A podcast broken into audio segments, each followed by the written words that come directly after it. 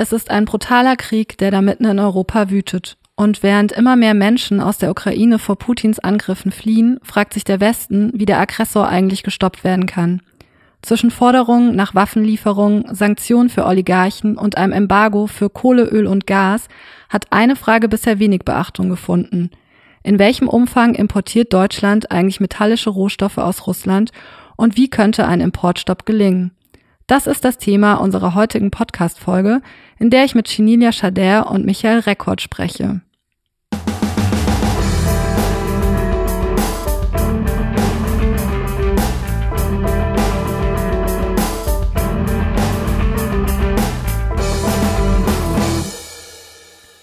Hallo und herzlich willkommen zu Kompass Weltwirtschaft, dem Podcast von PowerShift. Mein Name ist Vanessa Fischer, ich bin Pressereferentin bei PowerShift, einer Nichtregierungsorganisation aus Berlin, die sich für eine sozial und ökologisch gerechtere Weltwirtschaft einsetzt. Und ich bin heute natürlich wie immer nicht alleine. Mit mir im Studio sind Chinilia Schader und Michael Rekord. Chinilia, du bist Mitautorin der Publikation Höchste Eisenbahn für die Rohstoffwende, in der es um die gerade angekündigte deutsche Abhängigkeit von Metallimporten aus Russland geht. Herzlich willkommen. Hallo Vanessa, danke für die Einladung. Sehr gerne. Neben Chinilia begrüße ich auch herzlich Michael Rekord aus dem Rohstoffteam von PowerShift. Du bist ja schon ein alter Hase im Podcast-Geschäft. Hallo Michael. Hallo Vanessa, schön hier zu sein. Ja, herzlich willkommen an euch beide. Wir starten in diesem Podcast ja immer mit einer kurzen persönlichen Frage. Und natürlich möchte ich euch heute fragen, wie euch der Krieg in der Ukraine beschäftigt hat. Hm. Ja, schwierige Frage. Der Krieg in der Ukraine hat uns natürlich alle erschüttert und ich denke, hier im Westen Europas erinnerte uns vor allem daran, wie besonders es ist, Frieden leben zu dürfen. Was mich persönlich sehr betroffen hat, ist die viele Diskriminierung, die dokumentiert wird, welche unterschiedliche Bevölkerungsgruppen, die versuchen, aus der Ukraine zu flüchten, auf ihrem Weg erleben. Anfangs gab es ja vor allem hier in Berlin so viel spontane Solidarität, Hilfe von Freiwilligen und es war überall in den Nachrichten. In meiner Perspektive ist es vor allem die Rolle des Staates, Hilfeleistung kompetent und vor allem langfristig zu koordinieren und ich denke, es geht aus den europäischen Medien im Moment hervor, dass die deutschen Abhängigkeiten von Russland als Nummer eins Rohstofflieferant die politische Entscheidungsfähigkeit der EU ziemlich hemmt. Ja, ich glaube, die Bilder des Krieges brennen sich bei uns allen ähm, ziemlich ein oder haben sich eingebrannt, Butcher und ähm, die vielen anderen Orte des Schreckens. Und viele von uns kennen Menschen, haben Freunde, Freundinnen oder Familie in der Ukraine oder in Russland und sind so ähm, immer wieder mit dem Kon ähm, Konflikt auch in Kontakt. Ähm, gleichzeitig haben wir bei PowerShift überlegt, was ähm, können wir eigentlich machen? Ähm, was könnte sozusagen unser Turn sein, ähm, auf den Konflikt zu schauen? Wir haben in der Vergangenheit sehr wenig zu Russland oder der Ukraine gemacht. Das ist ein dunkler Fleck, was auch daran liegt, dass die Bedingungen für Zivilgesellschaft oder JournalistInnen sehr, sehr schwer waren, vor allen Dingen ähm, in Russland.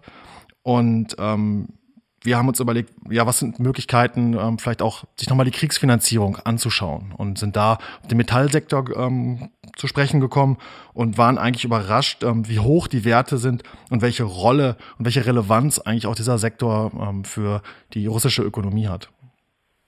Ja, in der öffentlichen Debatte ging es bisher tatsächlich ja eher um Kohle, Öl und Gasimporte aus Russland. Laut Bundesanstalt für Geowissenschaft und Rohstoffe kamen 2020 etwa 34 Prozent der deutschen Erdölimporte aus Russland. Bei Erdgas waren es sogar 55 Prozent der deutschen Importe und bei Kohle etwa 50 Prozent.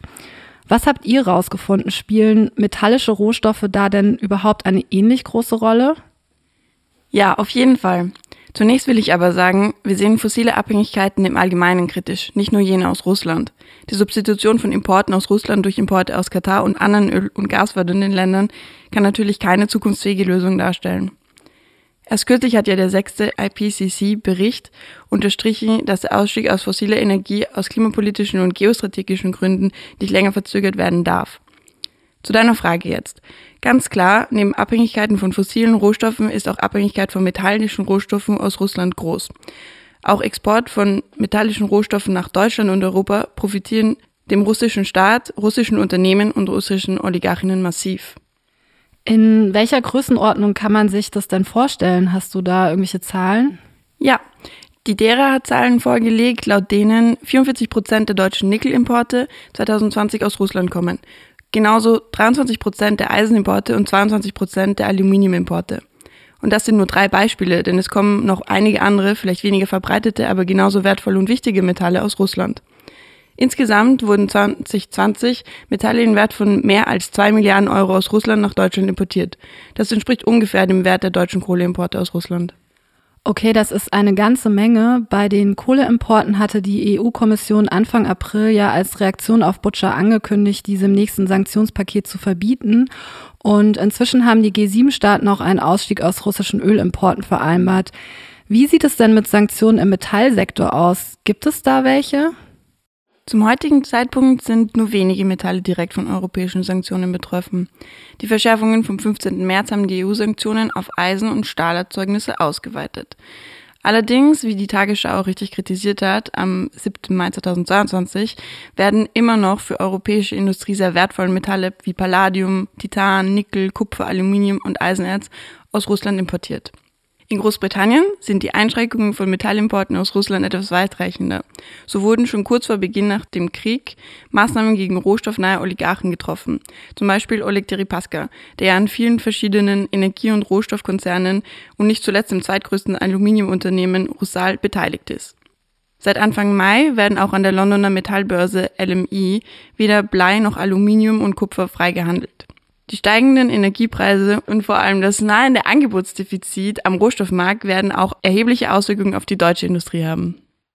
Aha, das ist ja sehr spannend. In der öffentlichen Debatte ging es bisher ja oft auch darum, dass Sanktionen auch der deutschen Wirtschaft schaden können und beispielsweise nicht klar ist, ob wir ein Gasembargo überhaupt durchhalten könnten.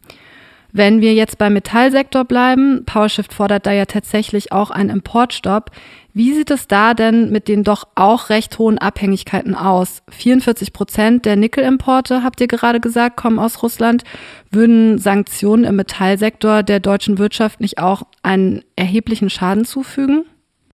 Das ist natürlich sehr schwer einzuschätzen. Ähm, ja, ein Wegfall würde wahrscheinlich bedeuten, dass einige Produkte über einige Zeitraum weniger produziert werden könnten. Ähm, das Nickel für die E-Autos kommt zum Beispiel zu großen Teilen aus Russland. Bei Palladium würde es Katalysatoren treffen, die für ähm, Benzinmotoren oder benzinangetriebene Autos benötigt werden. Ähm, irgendwo habe ich gelesen, dass 85 Prozent des Palladiums in der Automobilindustrie genutzt werden. Einige Preise, das beobachten wir jetzt schon, gehen durch die Decke bzw. unterliegen immensen Schwankungen. und Gleichzeitig muss ich aber auch sagen, dass ich die Überlegung grundsätzlich falsch finde, wie hoch schadet etwas ähm, der deutschen Wirtschaft. Ich glaube nicht, dass, dass die deutsche Wirtschaft so stark schadet, dass eine Verlängerung des Krieges das rechtfertigt. Eine Frage, die, die ich mir immer wieder stelle, wo setzt man da eigentlich die Grenzen? Ab wie viel Toten agieren wir? Was muss passieren, ähm, dass wir auch Schritte in Kauf nehmen, die unsere Wirtschaft zwischenzeitlich auch mal schaden würden? Und wir glauben, dass alles unternommen werden muss, um die Kriegsfinanzierung zu stoppen. Und viele der Unternehmen aus dem Rohstoffbereich gehören Oligarchen, die zentral sind im System Putin und ähm, sozusagen in der Machthierarchie Russlands. Und daher fordern wir, dass die Bundesregierung alle Anstrengungen unternehmen sollte, um zukünftige Abhängigkeiten zu reduzieren. Und das geht nur, indem man auch die Kreislaufwirtschaft zum Beispiel jetzt massiv ausbaut, wie es auch bei, der, bei den Erneuerbaren gerade passiert. Ja, das ist äh, natürlich ein sehr wichtiger Punkt, den du da schon ansprichst, äh, sowohl was die Abhängigkeiten angeht, als auch unter dem Stichwort Kreislaufwirtschaft. Bevor wir gleich noch dazu kommen, möchte ich aber zuerst noch eine Frage an Chinilia stellen. Und zwar hast du dich für die Publikation auch mit der Umwelt- und Menschenrechtssituation in Russland und der Ukraine beschäftigt. Was hast du dabei herausgefunden? Ja, es ist ja kein Geheimnis, dass die Aktivitäten von Zivilgesellschaft und Journalistinnen in Russland in den letzten Jahren massiv eingeschränkt worden ist. Und daher gibt es nur wenig Infos zu Umweltschutz und Menschenrechtssituation in Russland und der Ukraine. Ein Beispiel, welches wir auch in Höchsteisenbahn für die Rohstoffwende erwähnen, sind die offenen Briefe des Aborigenforums. Dieser Zusammenschluss indigener Gemeinschaften in Russland hat 2020 aufgezeigt, was die Auswirkungen des russischen Bergbauunternehmens Nornickel und des deutschen Chemiekonzerns BASF sind und spricht dabei von Einschränkungen der wirtschaftlichen Aktivitäten sowie der Gesundheit lokaler Gemeinschaften und massiven Umweltzerstörungen. Besonders heikel ist auch die Situation im Donbass, die ressourcenreichste Abbau- und Industrieregion der Ukraine, welche schon seit der russischen Annexion der Krim 2014 unter militärischem Druck steht. Seit deren Besetzung im Februar gibt es auch natürlich erhebliche Auswirkungen auf die metallischen Industrien vor Ort. Nicht zuletzt die Halbleiterindustrie, welche großteils durch die Hafenstadt Mariupol alimentiert wird, ist super stark betroffen. Wir halten also fest, die Abhängigkeit Deutschlands von russischen Metallimporten ist extrem hoch und die deutsche Rohstoffpolitik ist alles andere als resilient ausgelegt. Die Einhaltung von Menschenrechten und Umweltschutz hat schon vor Kriegsbeginn keine Rolle gespielt und spielt wahrscheinlich auch keine Rolle, wenn der Abbau jetzt aus Russland in andere Regionen der Welt verlagert werden sollte. Was schlägt PowerShift vor? Habt ihr beide irgendwelche Ideen, wie eine zukunftsfähige deutsche Rohstoffpolitik aussehen könnte? Wir wollen hier ja nicht nur rummeckern, sondern auch Lösungen aufzeigen. Ja, wir haben natürlich Lösungsvorschläge. Ähm, die Bundesregierung spricht gerade von einer Zeitenwende. Und aktuell sehen wir, dass das Wirtschaftsministerium sehr aktiv ist, aber eigentlich ändern sich nur Rohstoffströme bei den Fossilen. Das heißt, der Metallsektor ist bisher gar nicht in der Debatte. Ähm, dafür soll Kohle jetzt verstärkt aus Kolumbien kommen, Erdgas aus Katar oder als Frackinggas aus den USA. Und wie gesagt, bei Metallen gibt es diese grundlegende Debatte noch nicht einmal. Auf der einen Seite fordern wir einen Stopp von Metallimporten aus Russland, um diese Kriegsfinanzierung und diese Verbindung zu den OligarchInnen äh, zu beenden. Und gleichzeitig darf dieser Importstopp nicht zu einer Erweiterung der Primärmetallimporte aus anderen Ländern führen. Das ist natürlich schwierig, aber wir sehen, dass seit Jahrzehnten die Bundesregierung und die Industrieverbände eine Rohstoffwende blockieren. Sie setzen einseitig immer weiter auf immer mehr Importe. Dabei gibt es hunderte Berichte über ökologische und soziale Auswirkungen des Bergbaus. Von den Philippinen über Indonesien, Südafrika, Guinea, Brasilien, Peru und zuletzt auch die Proteste in Serbien, Spanien oder Schweden. Der Schutz von Menschenrechten, Umwelt und Klima ist mit dem aktuellen Verbrauch von fossilen und metallischen Rohstoffen in Deutschland einfach nicht mehr erreichbar. Und deshalb fordern wir und setzen uns auch dafür ein, dass es eine Rohstoffwende gibt, die den Verbrauch ins Zentrum stellt. Okay, das heißt, die aktuellen geostrategischen Verwerfungen mit Russland unterstreichen die Argumentation für eine Rohstoffwende noch weiter. Die, Definitiv, ja. Ja, die wird ja auch schon seit längerem von PowerShift gefordert, aber wie sieht eine solche Rohstoffwende denn überhaupt aus? Also welche Punkte muss sie umfassen? Kannst du dazu noch mal was sagen, Micha?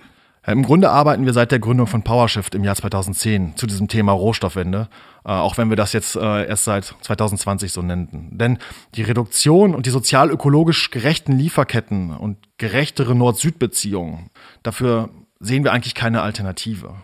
Der Begriff Rohstoffwende ähm, subsumiert jetzt, was die Organisationen im Arbeitskreis Rohstoffe seit 2020 fordern. Und das sind diese ja schon erwähnten zwei Säulen. Das eine ist Substitution und Reduktion von Primärrohstoffverbrauch in Deutschland. Und das heißt auch eine Veränderung unserer Wirtschaft hier in Richtung ähm, kreislaufförmiges Wirtschaften, äh, Gedanken von Cradle to Cradle, aber auch sozusagen eine Reduktion der Größe des Gewichts und der Anzahl von Autos.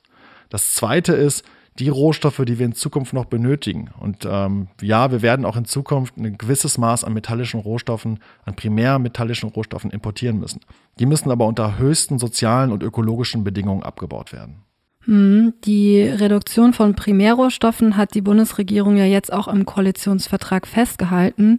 Wie kann die Politik denn dafür sorgen, dass Rohstoffe vor allem aus dem globalen Süden unter guten sozialen und ökologischen Bedingungen abgebaut werden? Oft ist ja gar nichts über die einzelnen Glieder der Lieferkette bekannt. Ja, zuerst würde ich sagen, wir begrüßen, dass die Bundesregierung diesen Primärrohstoffbezug oder den Primärrohstoffverbrauch im Koalitionsvertrag erwähnt und reduzieren möchte. Ob und wie das geschieht, ist allerdings noch offen. Und da sehen wir große Herausforderungen, gerade weil sich das Wirtschaftsministerium in der Vergangenheit nicht dazu äh, ja, bekannt hat, überhaupt über Reduktion sprechen zu wollen. Das heißt, das ist eine der großen Herausforderungen.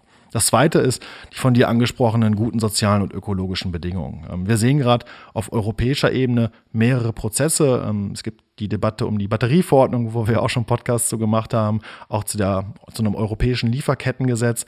Das heißt, wir brauchen im Grunde Standards, ähm, die Klimaaspekte, die Umweltaspekte, die soziale Aspekte, Menschenrechtsaspekte ähm, beinhalten und wo Unternehmen sozusagen gezwungen werden, ihre Lieferketten zu durchleuchten, weil Unternehmen am Ende die einzigen sind, die tiefe Einblicke in diese Lieferkette haben. Genau. Das deckt sich ja auch mit den Forderungen des russischen indigenen Netzwerk Aborigenforum, von dem wir vorhin gesprochen haben. Im Jahr 2020 haben die auch Tesla aufgerufen, seine Lieferkettenverantwortung nachzukommen und den Bezug von Nickel von Non-Nickel zu stoppen. Was wir bis jetzt wissen, Anfang Mai 2022, ist, dass Tesla seine Direktbezüge von metallischen Rohstoffen offengelegt hat und Nordnickel sich nicht mehr unter den Nickellieferanten findet. Leider konnten wir keine weiteren Infos dazu finden, aber es wird sehr spannend sein zu beobachten, wie zum Beispiel deutsche Automobilhersteller ihre Lieferkettenverantwortung gerecht werden, wenn sie weiterhin Rohstoffe aus Russland beziehen. Ja, und wer uns dabei helfen will, kann auch auf der Website äh, die Petition zu einer Rohstoffwende unterzeichnen, die aktuell schon über 80.000 Menschen unterzeichnet haben, ähm, damit wir weiterhin Druck ausüben können auf ähm, die Bundesregierung. Ja, stimmt. Das ist äh, auf jeden Fall sehr wichtig und ähm, wir werden sehen, was die Zukunft bringt. Ich danke euch beiden, dass ihr hier wart. Das war sehr aufschlussreich und ich bedanke mich natürlich auch bei allen ZuhörerInnen, dass ihr heute dabei wart. Falls ihr euch weiter informieren wollt, findet ihr die Publikation in den Show Notes und natürlich auf unserer Webseite. Dort findet ihr auch noch mehr Informationen und Materialien zur Rohstoffwende und könnt die von Micha gerade angesprochene Petition zum Lieferkettengesetz unterschreiben. Und falls ihr euch für die Batterieverordnung interessiert, die Micha auch angesprochen hat, dann empfehle ich euch die Podcast-Folgen 21 und 28. Vielen Dank. Vergesst nicht, unseren Podcast zu abonnieren und zu teilen. Und ansonsten bis zum nächsten Mal. Ciao, ciao. Danke. Baba.